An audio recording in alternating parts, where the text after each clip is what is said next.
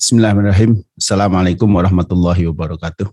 Alhamdulillah wa syukurillah salatu wassalamu ala rasulillah wa la hawla wa la quwata illa billah Bapak Ibu kita lanjutkan bacaan kita terhadap kisah Ka'ab bin Malik. Ini bagian yang kelima. Mudah-mudahan kita cukup sabar ya karena ini memang panjang sekali. Jadi saya potong-potong yang kira-kira sekali pertemuan itu bisa habis ya. Nah untuk materi ini saya mohon maaf saya belum sempat ngecek apakah teksnya ini sudah sesuai dengan teks yang di buku cetaknya apa belum karena ini barusan tadi saya siapkan sore belum sempat untuk menelitinya secara lebih rinci. Bismillahirrahmanirrahim. Summa itu salat al-fajri sobah halailatin ala dhuhri baitin min buyutina. Jadi kemarin terakhir ceritanya tentang Kaab di Kaab dan dua orang sahabat yang lain diminta untuk memisahkan istrinya dari rumahnya ya.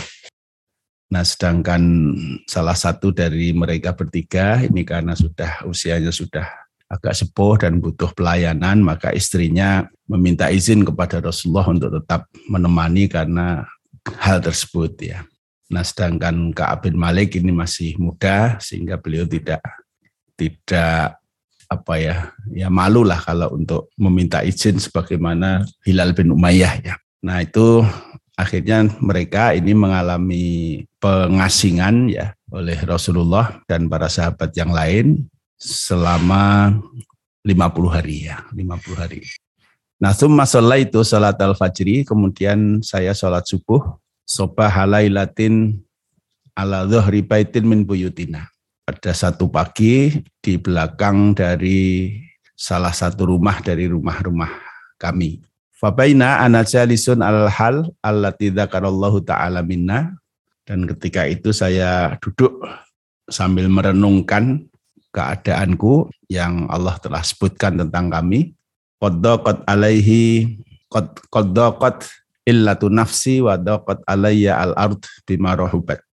Bahwa sudah terasa sempit eh, hidupku dan sempit bumi ini ya. Sami itu sauta sorihin aufi ala aufa ala sil'in. Saya mendengar sebuah suara yang begitu jelas di atas bukit Sil, ya, bukit Salak Bukit Salak ini salah satu bukit hmm. di kecil ya, bukit kecil di salah satu tempat di Madinah ini. Yakulu bi'a'la sautihi, dia berkata dengan suara yang keras, ya Ka'ab bin Malik abshir, wahai Ka'ab bin Malik, berbahagialah. Fakhoror tu sajidan, maka kemudian aku bersegera bersujud wa araftu annahu qad jaa farajun dan aku mengerti bahwa saya telah ada jalan keluar.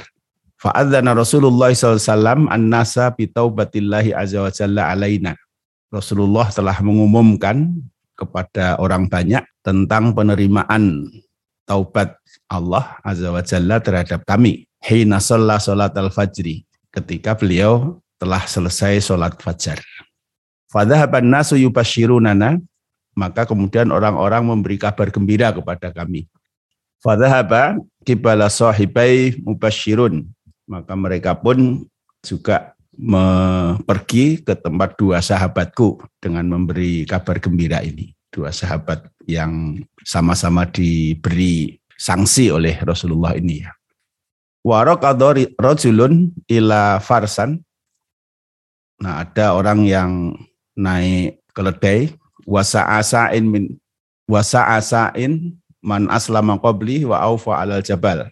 Dan ada seseorang yang sudah Islam sebelumku dan dia naik ke atas bukit wakana saud asra'u wakana saud. Ah ini masih ada yang keliru ini. Sebentar ada yang ganjil. Ah ini ini ini jadi wakana saud asra'a minal faros ya. jadi suara itu lebih cepat daripada keledai.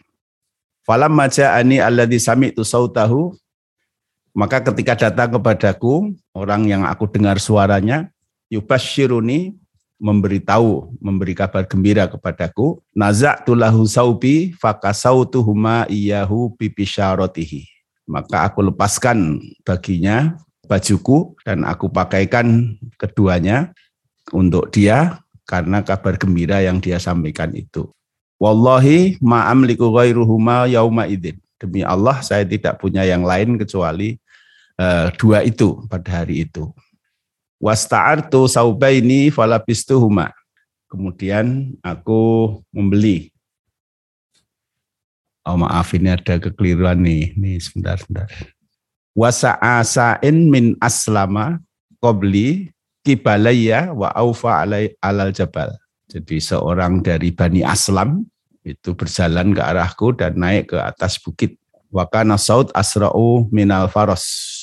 Ini kurang min dan suara ini lebih cepat daripada kuda. Falam maja ani alladhi sami'tu sautahu yubashiruni naza'tu lahu saubi fakasautuhuma iyahu bibisyaratihi. Jadi ketika orang itu datang kepadaku yang orang ini aku dengar suaranya, maka aku lepaskan kedua pakaianku dan aku pakaikan kepada dia karena kabar gembira yang dia bawa itu. Demi Allah, ma'amliku ghairihima yauma idzin saya tidak punya selain dua pakaianku itu pada hari itu. Wasta'artu saubaini falabistuhuma. Dan kemudian aku meminjam ya.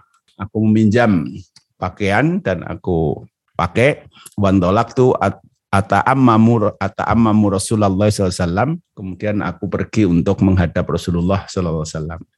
Ya tala konian nasu faujan faujan yuhani unani yuhani unani bitaubati. Maka kemudian orang pada menemui aku secara bergelombang. Mereka mengucapkan selamat kepadaku karena taubat ini, karena diterima taubat ini. Wayakulu nali dan mereka berkata kepadaku, La Tuhan nikah taubat Allahi alaika.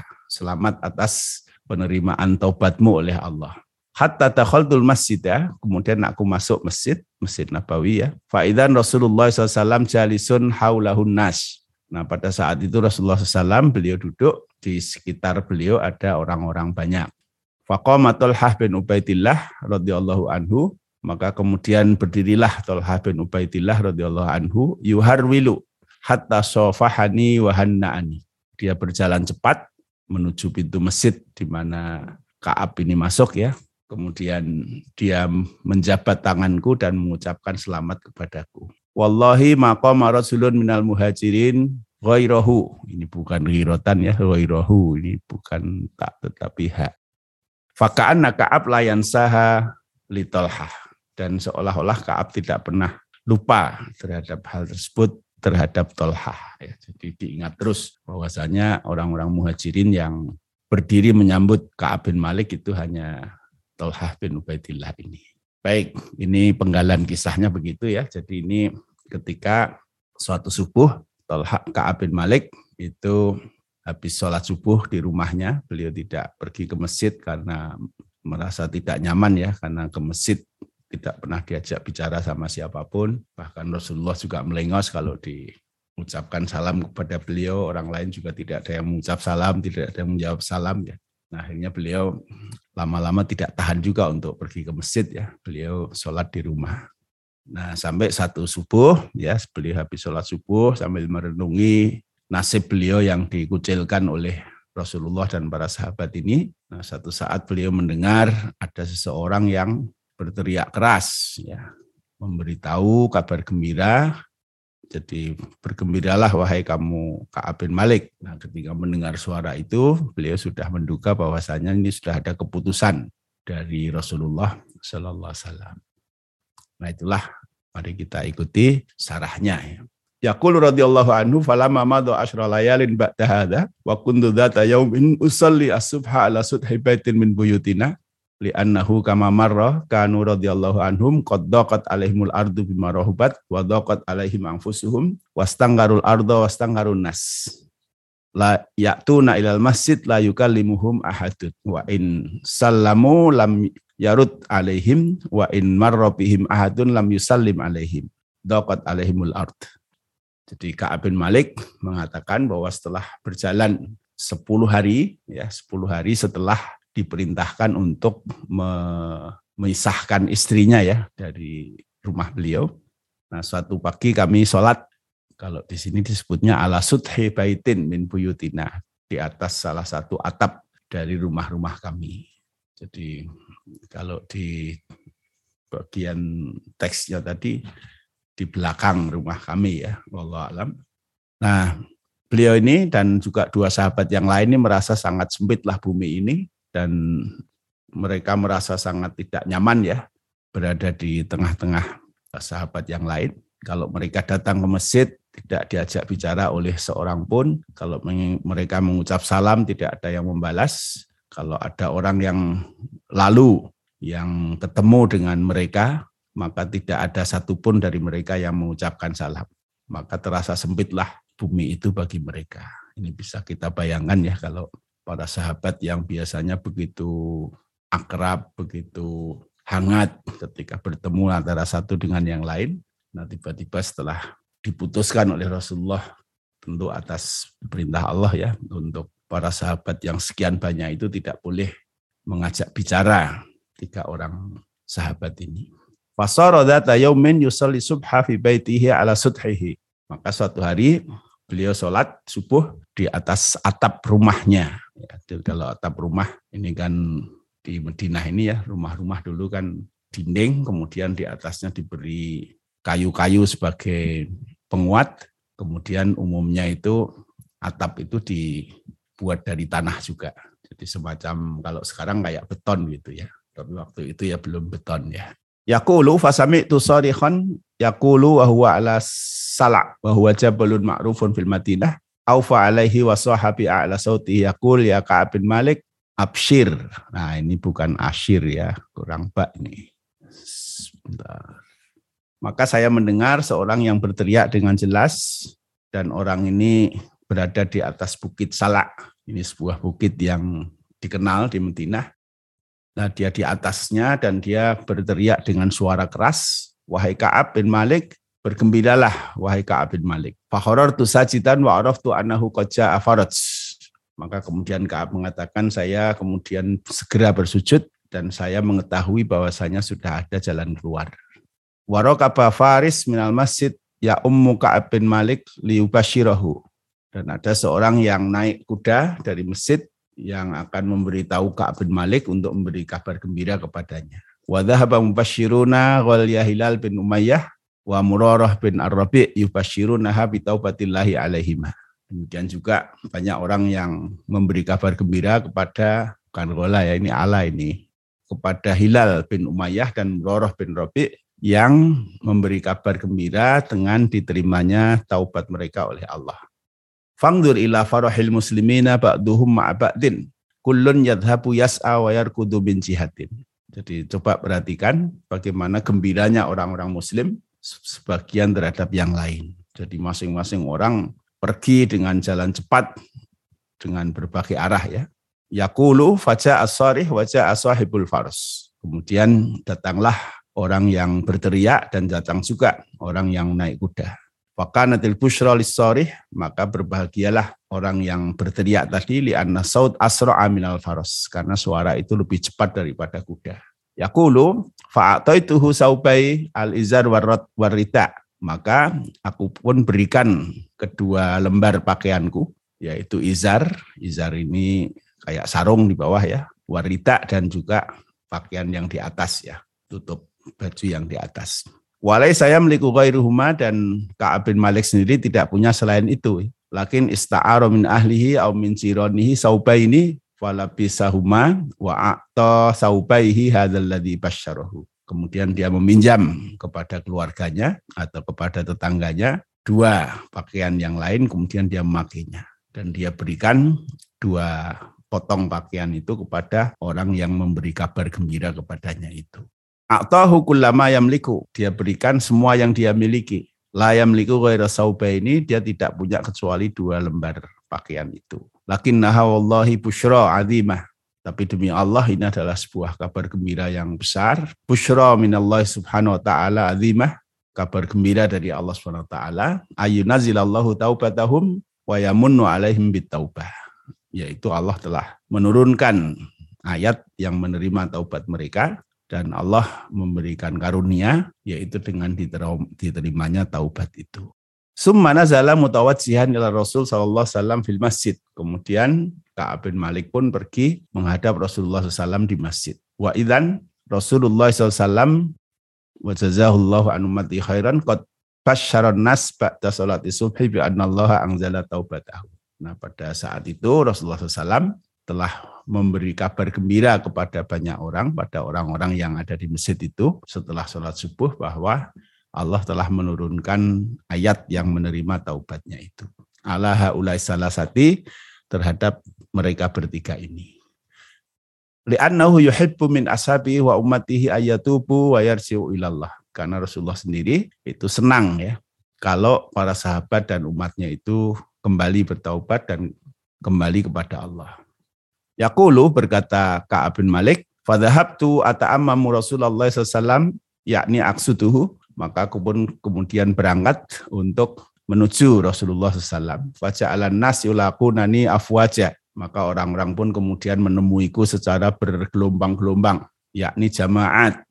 Yuhanni'unani bitaubatillahi alaihi. Bukan hu ya, ini, ini mestinya. Mereka mengucapkan selamat kepadaku karena penerimaan taubat oleh Allah atas dia. radhiyallahu anhu. Haula'il qaum yuhibbuna li ikhwanihim ma yuhibbuna li anfusihim. Mereka ini adalah orang-orang yang para sahabat ya, orang-orang yang mereka suka hal-hal yang baik terjadi pada saudara-saudaranya sebagaimana mereka suka hal-hal baik itu terjadi pada diri mereka sendiri.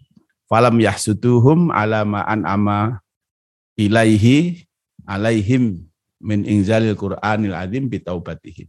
Maka mereka tidak hasad ya, tidak dengki atas apa yang kurang lam satu apa yang Allah berikan nikmat atas mereka yaitu dengan diturunkannya Al-Qur'an yang menerima taubat mereka. Bal ja'alu yuhanni'unahum hatta dakhalal masjid. Bahkan e, mereka memberi ucapan selamat kepada tiga sahabat ini sampai mereka masuk masjid. Wa fi hadhil qit'ah minal hadis fawaid dan di dalam potongan dari cerita ini, hadis ini ada beberapa faedah. Awalan syiddatu hijrin Nabi alaihissalatu wassalam liha ula isalasah. Kerasnya pengucilan yang dilakukan oleh Nabi alaihissalatu wassalam terhadap tiga sahabat yang tidak ikut di dalam perang tabuk ini ya. Hatta innahu amarohum ayat tazilu nisa'ahum sampai bahkan beliau menyuruh mereka untuk meninggalkan istri-istri mereka. Wat tafriq bainar rajul wa amrun amruhu azimun memisahkan antara seorang suami dengan istrinya itu adalah sesuatu yang luar biasa. Ya, ini hukuman yang sangat sangat berat. Sanian wafihi an aku rajul anna anna qaular rajul li imraatihi ini tidak pakai hamzah ya maaf ini sambil ngecek-ngecek ini dan di dalam kisah ini bahwa ucapan seorang suami kepada istrinya al-hiki bi ahlik pulanglah kamu ke keluargamu, itu laisa bitolakin bukanlah termasuk dalam hukum talak. Lianna Ka'ab bin Malik radhiyallahu anhu farraqa baina qawlihi al-hiki bi ahliki wa baina at-talak. Karena Ka'ab bin Malik itu memisahkan makna antara al-hiki bi ahliki dan antara tolak. Beliau bertanya ya, apakah maksudnya ini disuruh menceraikan atau hanya disuruh memisahkan saja. Nah, kemudian ditegaskan bahwa hanya disuruh memisahkan saja. Fa'idha qala rajul limra'atihi al-hiki bi ahliki walam yanwi at-talaqa falaysa bitolaqin. Karena itu kalau ada seorang suami yang mengatakan kepada istrinya, "Udah kamu pulang ke keluargamu sana." Tapi tidak ada niat untuk menceraikan, maka tidak termasuk ke dalam hukum cerai. Amma idza nawa at-talaqa fa inna Nabiy sallallahu qala adapun kalau dia berniat untuk menceraikan dengan ucapan itu ya, jadi niatnya di dalam hati memang untuk menceraikan, maka Nabi sudah mengatakan innamal a'malu bin niat wa innamal imri'in ma nawa. Al hadis ya. Fa idza nawal insanu bi kalimat wa amsaliha tolak falahu nawa. Maka kalau dengan kalimat itu orang tersebut ingin menceraikan istrinya, maka baginya ya sesuai dengan niatnya, artinya ya akan terhitung sebagai cerai. Nah, ini poin kedua yang bisa diambil dari cerita tadi. Yang ketiga, syiddatu imtisalus sahabah radhiyallahu anhum li amrin Nabi SAW. Jadi begitu disiplinnya para sahabat ketika menjalankan eh, perintah Nabi SAW. Di annahu radhiyallahu anhu mata dada. Karena Ka'ab bin Malik ini contohnya ya, radhiyallahu anhu, ini sama sekali tidak tidak ragu-ragu. Walaqala la'ali uraji'ur rasul alaihi salatu wassalam. Au qala rasul alaihi arsaluh nabi sallam irji ilaihi la'allahu yasmah. Jadi mereka eh, dia tidak mengatakan kalau saja saya minta eh, kembali kepada Rasul untuk meminta keringanan ya atau menyampaikan kepada utusan Rasulullah itu untuk mengatakan misalnya pulanglah kamu kembalilah kamu kepada Rasul untuk meminta keringanan. Bal wafaqa bi kulli tetapi ini contohnya ya bahwa Ka'ab bin Malik ini ya sudah menerima segala sesuatu yang diperintahkan oleh Rasulullah. Nah, ini contoh bagaimana seorang anu ya seorang junut yang baik ya. Jadi keputusan dari kiadahnya itu, keputusan dari pemimpinnya itu ditaatinya dengan penuh ketaatan. Rabi'an, anna Nabi sallallahu alaihi wasallam kana rahiman bi ummatihi. Kita juga bisa ambil pelajaran dari hadis ini, potongan hadis ini bahwa Nabi itu orang yang paling penuh kasih sayang terhadap umatnya. Fa innahu ba'da an amarahum bi tizalin nisa rakhasa Hilal bin Umayyah li'annahu yahtaju li khidmati imraatihi. Jadi contohnya misalnya ketika beliau sudah memerintahkan tiga sahabat itu untuk memisahkan istri mereka, istri-istri mereka, kemudian beliau memberikan rukhsah keringanan kepada Hilal bin Umayyah karena beliau Hilal bin Umayyah ini membutuhkan pelayanan dari istrinya ya karena sudah sepuh ya. Khamisan jawazu hikayatil hal indal istifta awis syahadah au ma asbahadzalik. Yang kelima, ini dibolehkannya kita menceritakan keadaan yang sebenarnya ketika kita membutuhkan fatwa atau ketika melakukan persaksian atau yang sejenis itu. Wa ingkan al muhki anhu qad la yuhibbu ayat toli alaihin nas. Walaupun mungkin orang yang diceritakan itu mungkin tidak suka ya, tidak suka kalau diketahui cerita itu oleh orang banyak. Ini contohnya li anna imra'at Hilal bin Umayyah Zakarat bin halihi annahu laisa fihi hajatun ila syai'in minan nisa. Jadi contohnya adalah bahwa Hilal bin istri dari Hilal bin Umayyah ini beliau menceritakan tentang keadaan Hilal bin Umayyah bahwa beliau sudah tidak butuh lagi kepada pelayanan perempuan. Maksudnya sudah secara seksual sudah tidak uh, tidak berkeinginan lagi gitu ya. Nah, ini uh, Hilal apa istrinya yang menyampaikan kepada Rasulullah beliau sudah sepuh dia butuh pelayanan kalau secara hubungan suami istri beliau sudah tidak tidak berhajat lagi gitu ya nah itu disampaikan apa adanya kepada Rasulullah Sallallahu Alaihi nah, ini boleh ya menyampaikan hal-hal itu dalam rangka meminta fatwa atau untuk persaksian dan sebagainya kalau tidak untuk yang demikian sebenarnya tidak boleh karena itu sesuatu yang pasti orang yang diceritakan seperti itu tidak suka ya. Nah, karena itu tidak boleh diceritakan kecuali karena hajat itu. Sadisan annal insana idza hasala lahu misla hadhil hal wa hajarahun nas wa sara yata'adza bin musyahadatihim wa la yatahammal fa innahu lahu ayatakhallafa an salatil jamaah.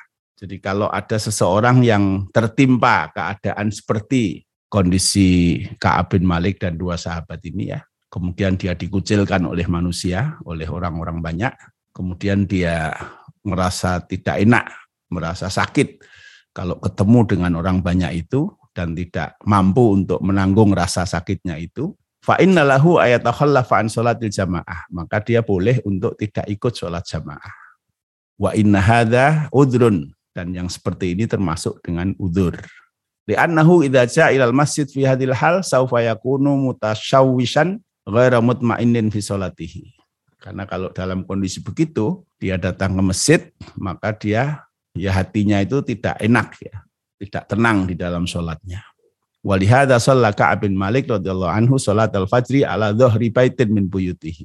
Nah, oleh karena itu dalam kisah di atas ya, bahwa Ka'ab bin Malik waktu itu sholat subuh di belakang salah satu rumah dari rumah-rumah beliau.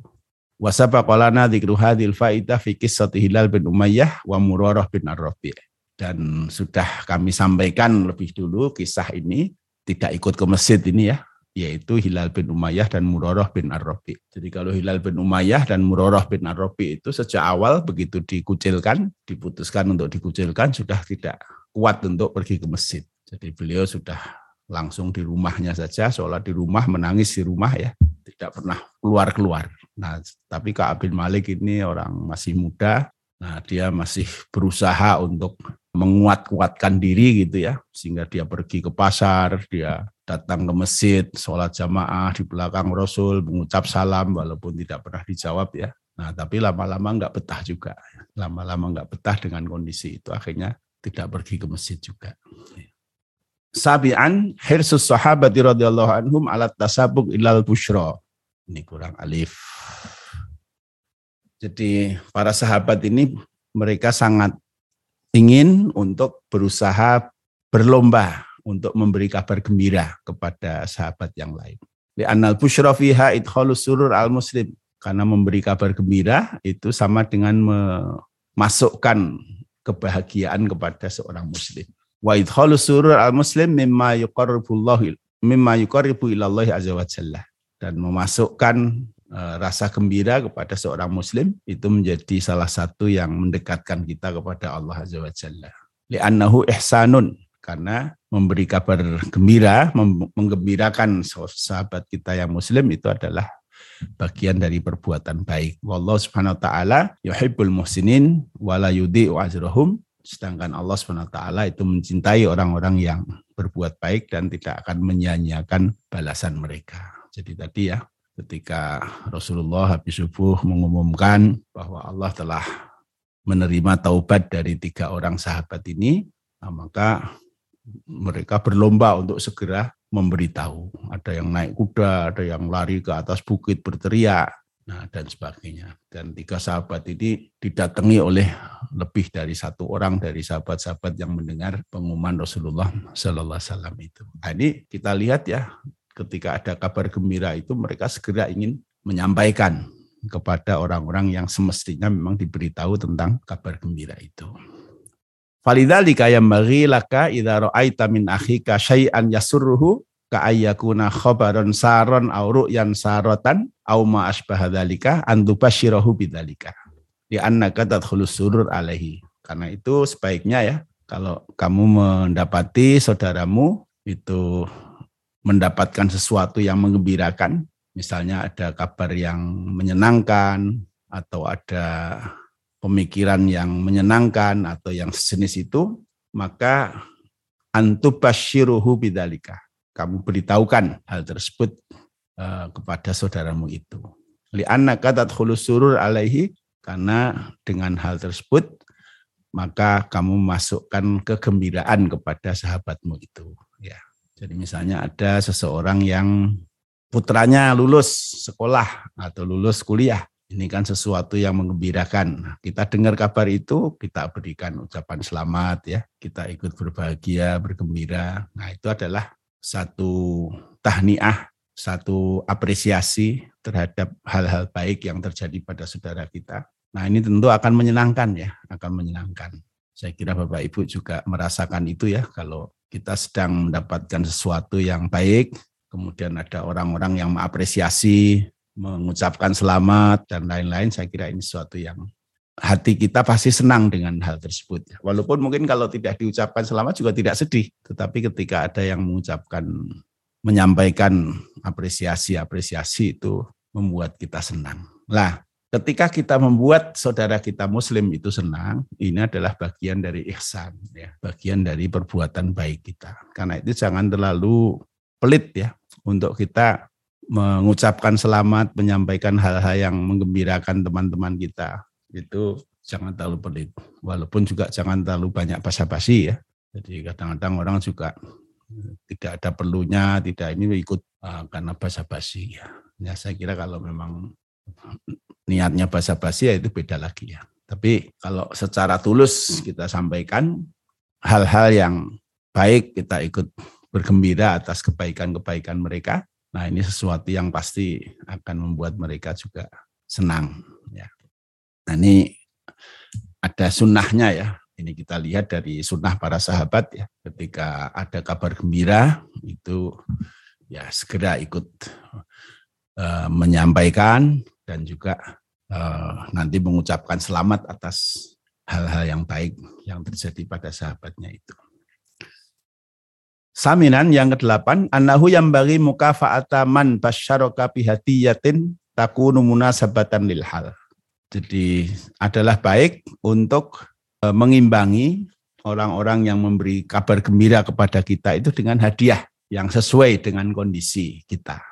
Di anna Ka'ab bin Malik radhiyallahu anhu a'ta alladhi basyarahu saubaihi wa hadha nadhirun masahabil khabar an Abdullah Oh ini ini dua topik yang nanti saya jadi kisahnya di situ Ka'ab bin Malik ya. Ka'ab bin Malik itu memberi hadiah kepada orang yang memberi kabar gembira kepada dia tadi dengan spontan ya. Dia kasihkan pakaian baju atasnya. Jadi yang bagian atasnya juga sarungnya di bawah ya dikasihkan.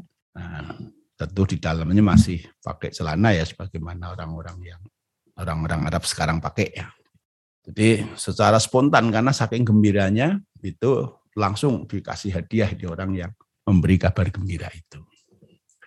Wahada nadirun masahabil khobar an Abdullah bin Abbas dan ada contoh lain ya sesuatu yang diriwayatkan saat sahih dari Abdullah bin Abbas radhiyallahu anhu wa kana ya'murun nas idza hajju ayatamatta'u bil umrati ilal hajj.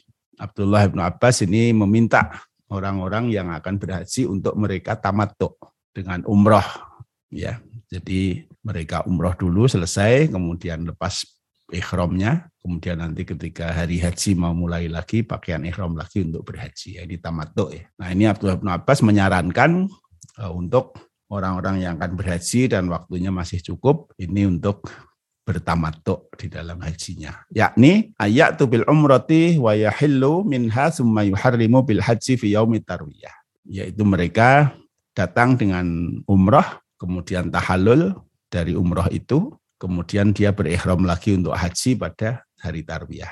Wa kana Umar bin Khattab radhiyallahu anhu yanha anil mut'ah. Nah sedangkan Umar bin Khattab itu tidak membolehkan orang untuk tamattu ini mut'ah di sini maksudnya haji tamattu ya jadi bukan mut'ah seperti orang Syiah itu. Di annahu yuhibbu ayat tamiran nas fi waktin wa ayyuhajju fi waktin. Jadi karena dia lebih suka untuk uh, orang berumrah dan berhaji pada waktu yang sama. Hatta yakunal bait iman ma'muran bizawar. Sehingga Baitullah Al-Haram itu selalu ramai dengan para peziarah. Ma baina mu'tamirina wa hujjaj antara yaitu orang-orang yang berumrah dan berhaji. Fa'ala hadza istihadan minhu. Uh, dia melakukan larangan itu sebagai istihad dari Umar bin Khattab radhiyallahu anhu. Wa huwa minal istihadil maghfur. Ini adalah satu istihad yang diampuni Allah. Wa illa fala syakka anna Rasulullah sallallahu alaihi wasallam aula. Nah sedangkan sunnah Rasul itu lebih utama untuk diikuti. Karena Rasulullah sendiri kalau haji, kalau waktunya masih lapang, beliau tamattu ya. Al-muhim anna rasulan istafta Abdullah bin Abbas fi hadil masalah. Jadi ringkasnya bahwa ada seseorang yang meminta fatwa kepada Abdullah bin Abbas dalam masalah ini, maka kemudian fa'amarohu ayat tamatta'a wa ayyuharrima bil umrati wa yahilla wa yahilla minhu. Maka Abdullah bin Abbas kemudian memerintahkan dia untuk tamattu yaitu untuk berikhram dengan untuk umroh dulu kemudian tahalul dari umroh itu. Baru kemudian nanti ikhram lagi untuk haji. Fara'ah hadzal rajul fil manami syahsan yaqulu lahu. Maka kemudian orang yang meminta fatwa kepada Abdullah bin Abbas ini bermimpi bahwa ada seseorang yang berkata kepadanya hajjun mabrur wa umratun mutaqabbalah. Bahwa orang itu mengatakan hajjun mabrur wa umratun mutaqabbalah haji mabrur dan umroh yang diterima.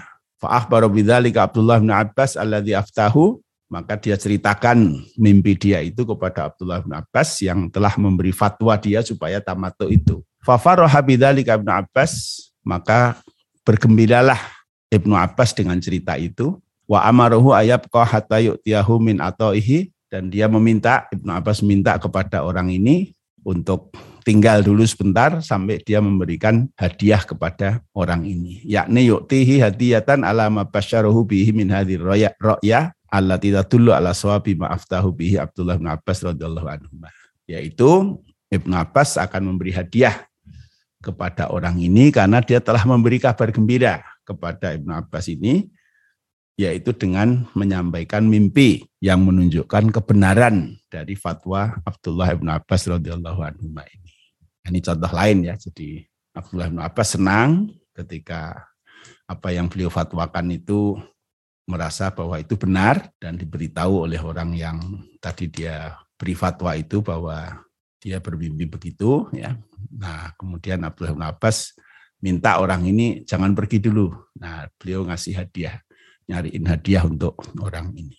Wal muhim annaman basyaraka bi syai'in fa aqallul ahwal antat ulahu bil bisyarah.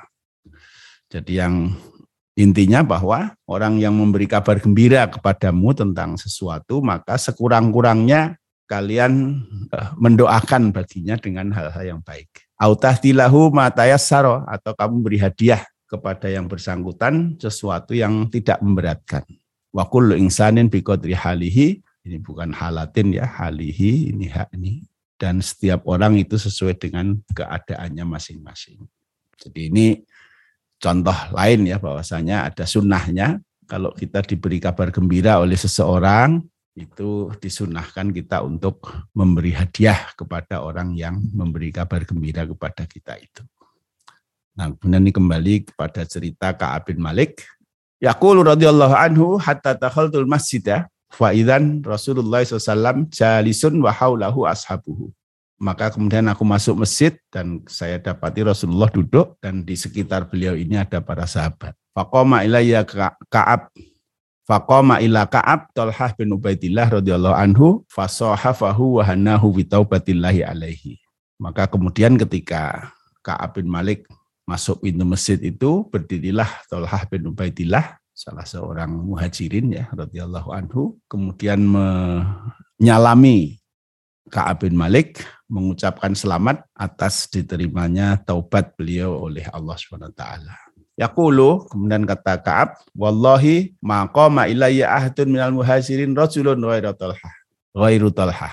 Demi Allah, tak ada seorang pun muhajirin yang berdiri untuk menyambutku kecuali talhah. Nah, ini berkesan sekali ya, berkesan sekali eh, bagi Ka'ab bin Malik ini. Fakana yang sahalahu dan ini Tolhah apa Ka'ab bin Malik tidak lupa sama sekali terhadap Tolhah bin Ubaidillah. Haitsu qama wa wa safahahu yaitu ketika beliau berdiri menemui Ka'ab bin Malik menyalaminya dan kemudian mengucapkan selamat. Hatta waqafa ala Nabi wa idan wasuhu tabarraqa asarirahu. Nah, kemudian sampai Ka'ab bin Malik berada di depan Nabi dan beliau melihat wajah Nabi ini bersinar ya. Di annahu alaihi wassalam sarrahu ayatu Allahu ala haulai salasah alladzina sadaqullah wa rasulah. Karena Nabi SAW itu bergembira ketika Allah menerima taubat tiga orang yang mereka membenarkan Allah dan Rasulnya itu. Wa ahbaru bisidqi an imanin dan memberitahu mereka tentang kebenaran iman itu wa hasala alaihim majara minal amril azim dan akibatnya ya ketika mereka jujur menyampaikan keadaan mereka kepada Rasulullah, kenapa tidak ikut perang dulu ya? Maka terjadilah apa yang terjadi pada mereka itu, yaitu satu hal yang sangat berat. Mereka dikucilkan selama 50 hari, bahkan pada mulai hari ke-40, bahkan istri-istri mereka pun disuruh meninggalkan para suaminya ini. Min hijrin nasilahum khomsina yauman, hatta nisa uhum ba'dal arba'ina amara Rasulullah SAW ayat taziluhunna. Yaitu dengan dikucilkan oleh orang banyak selama 50 hari. Bahkan pada hari ke-40 Nabi pun merintahkan istri-istri mereka untuk meninggalkan mereka bertiga ini. Nah demikian Bapak Ibu rahimakumullah penggalan cerita pada bagian ini dan beberapa eh, hikmah yang diuraikan oleh Syekh Al-Utsaimin Eh, terkait dengan eh, penggalan cerita ini. Mudah-mudahan memberi pelajaran kepada kita ya tentang kejujuran para sahabat, tentang eh, ketaatan para sahabat kepada Rasul betapapun itu sesuatu yang tidak ringan ya untuk dijalani, tetapi mereka begitu taatnya. Kemudian juga tentang tadi ya, gembiranya sahabat-sahabat yang lain ketika ada hal-hal yang mengembirakan bagi mereka bertiga ini. Nah, kemudian ucapan selamat ya, dan lain-lain yang tadi sudah kita bahas bersama. Baik, mudah-mudahan bermanfaat untuk kita. Bila taufiq Assalamualaikum warahmatullahi wabarakatuh.